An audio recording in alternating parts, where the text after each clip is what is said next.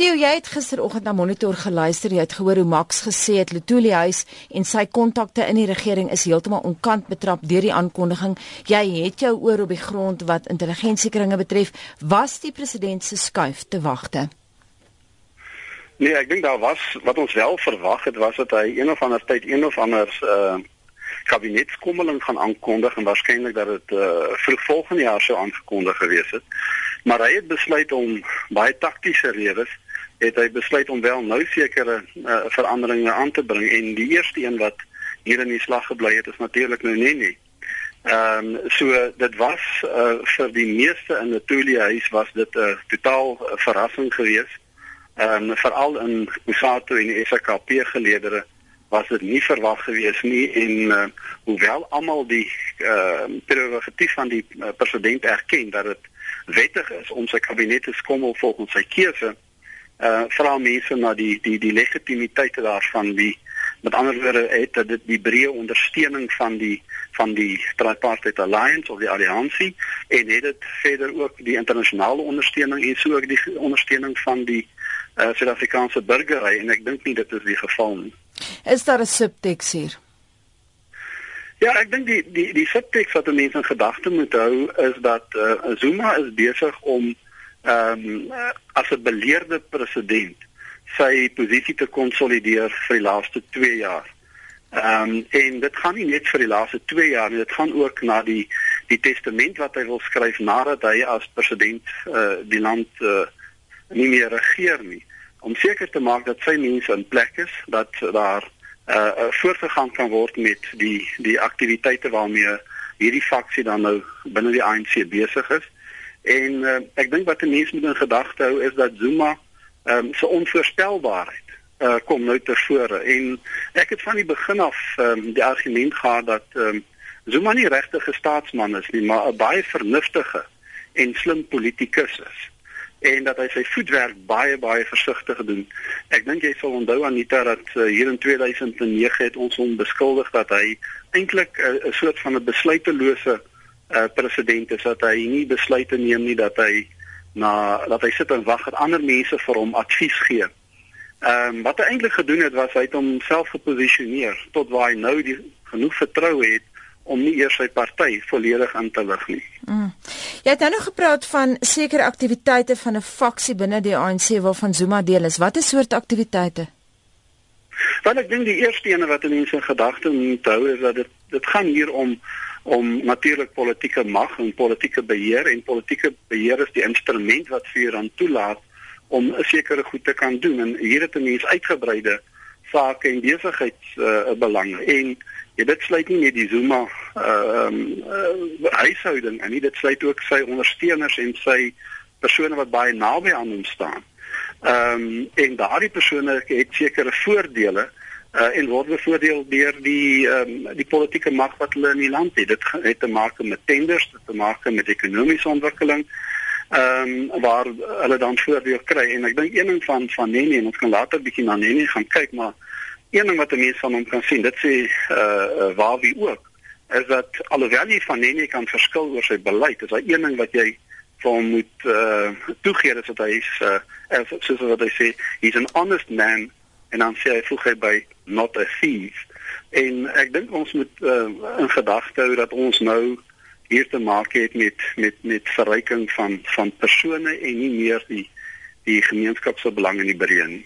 Terug na 'n uitlating van een van die land se voorste kommentators en 'n harde koerantman Max de Pre wat gister op Monitor gesê die skuif kan die draaipunt wees Zuma se Rubicon. Stem jy saam?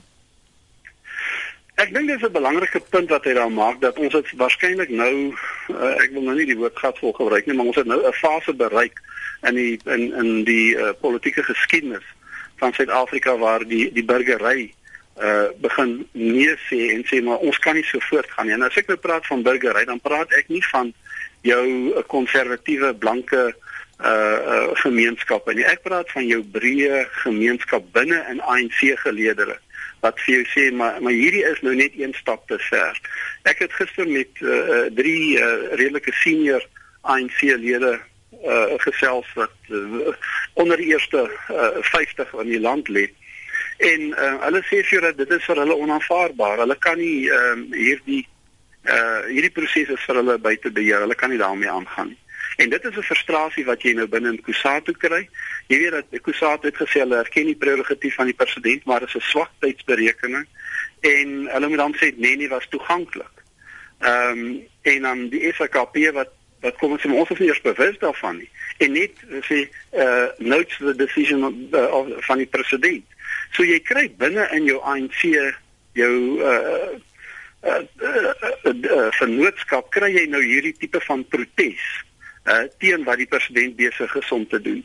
Maar 'n mens moet in gedagte hou dat dit nie maklik is om dit in die openbaar te sê nie. Ehm um, as mens dan kyk na wat Adam Mabib gesê het byvoorbeeld. Uh dis een ding vir hom om dit te sê as hy buite jou politieke struktuur staan. Dis 'n totaal ander gesprek wanneer 'n mens binne in die politieke omgewing staan en jy weet dat jou politieke loopbaan uh as president in die toekoms of as minister of as adjunkt minister kom in gedrang dan is dit nie nie so genee om hierdie tipe van besluite te neem beteken dit dus dat ons nie 'n paleisrevolusie van binne die ANC kan verwag nie? Kyk een van van Zuma wat mense om te ere moet gee vanaf 2009 is dat hy het nie net uh, gaan sit en kyk wie is die mbeke ondersteuners en van hulle ontslaag geraak nie of seker gemaak dat hulle hulle absolute loyaliteit aan hom toon nie. Maar hy het ook sy eie persone in plek geplaas. Ons praat van ministers, ons praat van adjunkministers. Hy het dit deurgevoer in die staatsdiens uh, op senior vlak, uh by DG ADG vlak. So hy het op 'n baie hoë vlak het hy seker gemaak dat die regte persoon wat hom ondersteun daar sit. En dit is 'n effek wat 'n mens ook kry in Letoile huis, dit is 'n effek wat 'n mens kry uh, in die staatsdiens. So 'n paleisrevolusie is baie baie baie moeilik. Ehm um, dit sal letterlik uit sy eie geleedere moet kom dat 'n mens so 'n tipe van van revolusie ehm um, uh, weet sal sien, maar ek twyfel of dit binne die volgende jaar gaan plaasvind en ek ons moet in gedagte hou dat die volgende jaar is waarskynlik die mees kritieke jaar vir die vir die Suid-Afrikaanse gemeenskap. Ek wil terugkom na die burgery toe jy het nou verwys na die ANC hoë koppe binne die ANC, maar wat van die gewone man en, en vrou op straat? Die Mail and Guardian het die week geskryf en ek parafraseer, something snapped on Wednesday night. Instead of shrugging their shoulders, South Africa rages. Or South Africans are raging. Gaan die burgery 'n streep in die sand trek? Jy weet ek wil vinnig vir jou een um SMS lees wat ons gekry het van 'n vrou. Dis nou tyd dat die belastingbetaler sê tot hier toe en nie verder nie. Soos met die ongevraagde Gauteng tolpad moet ons staak om enige belasting te betaal. Zuma verbeel hom die belastingbetaler is 'n onuitputlike bron. Gaan ons 'n soort van 'n leidelike verset hier sien. Gaan die burgery sê nee, dis nou genoeg. Wel ek dink 'n mens verdien die owerheid wat jy kry. Jy weet as 'n mens gaan kyk na ons ons het 'n baie wonderlike in in in, in goeie grond het. Ons konstitusie is waarskynlik een van die beste in die wêreld. Dit word gereeld gesê. Maar daardie grondwet word in stand gehou en word onderhou deur die bevolking. En as ons 'n goeie grondwet het, dan moet mense aanvaar dat jou waardes en jou samelewing moet bereid wees om dit in stand te hou.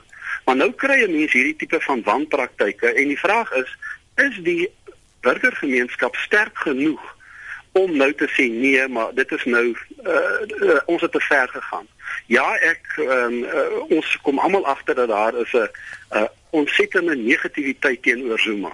Uh, hy sal waarskynlik uh, in die geskiedenis afgaan as een van die swakste presidente wat Suid-Afrika ooit gehad het. En ehm um, die vraag nou is, sal die burgery kom en sê nee, ons het ons ons kan nie hiermee voortgaan nie. Ons betaal belasting en kry ons waarde vir ons geld.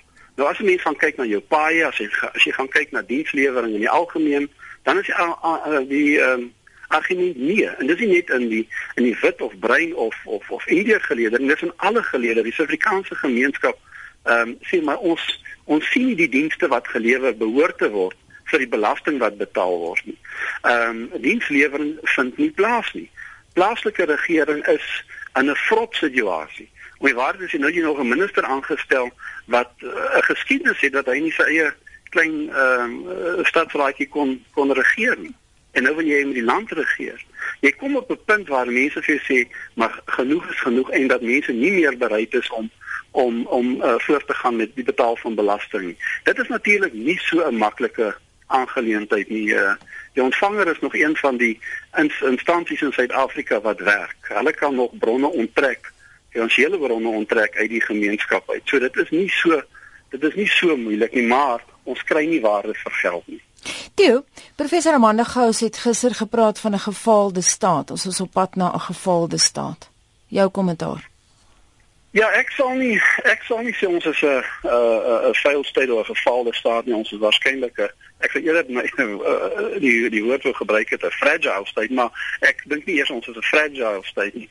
Jy, as ons mens gaan kyk na 'n gefaalde staat, dan het jy ehm um, um, eintlik 'n staat waar die owerheid nie meer in staat is om te kan regeer nie en dat 'n mens dan die uh, burgery is uitgelewer aan die aan die aan die aan die omgewing dat jy het interne konflik ehm um, daar word ernstig gesukkel met politieke oorgang en transformasie ehm um, die owerheid het sy kapasiteit verloor en jy sit met hierdie langdurige tipe van krisisse wat voortduur in jou gemeenskap ek dink ons is heeltemal uh, in 'n omgewing van 'n gefaalde staat maar 'n mens moet in gedagte hou dat 'n uh, redelike gesofistikeerde stelsel is besig om om ernstige probleme op te tel. En ehm um, as 'n mens gaan kyk na Spanje, as 'n mens gaan kyk na Italië op 'n sekere stadium, ehm um, en so kan 'n mens na Brasilië en selfs Argentinië ook gaan kyk en ehm um, ander verwys na Rusland as voorbeelde waar 'n mens hierdie probleme ook aantref. Dan is ons eintlik in 'n in 'n omgewing of in 'n gemeenskap van ander state waar dieselfde probleme voorkom. Die probleem waarmee ons in Suid-Afrika egter worstel is ons ehm um, werkloosheidssyfers. Uh ons uh, ekonomie is nie besig om te groei nie. En ehm um, mense is besig om hulle beleggings te onttrek. Nou uh, gekoppel aan hoë rentekoerse, gekoppel aan inflasie en ons kan daarmee voortgaan. As die ekonomiese stelsel nie in staat is om hierdie grondwet van ons in stand te hou nie, dan gaan jy later 'n situasie kry waar die owerheid nie kan regeer nie en waar die owerheid op sy in op plaaslike gebied net eenvoudig al meer en meer begin onttrek en dat jy verantwoordelik sal wees vir jou eie sekuriteit, dat jy sou verantwoordelik is vir jou eie paaie, vir jou eie dienslewering en dan beweeg mense in die rigting van 'n uh, fragile of a failed state.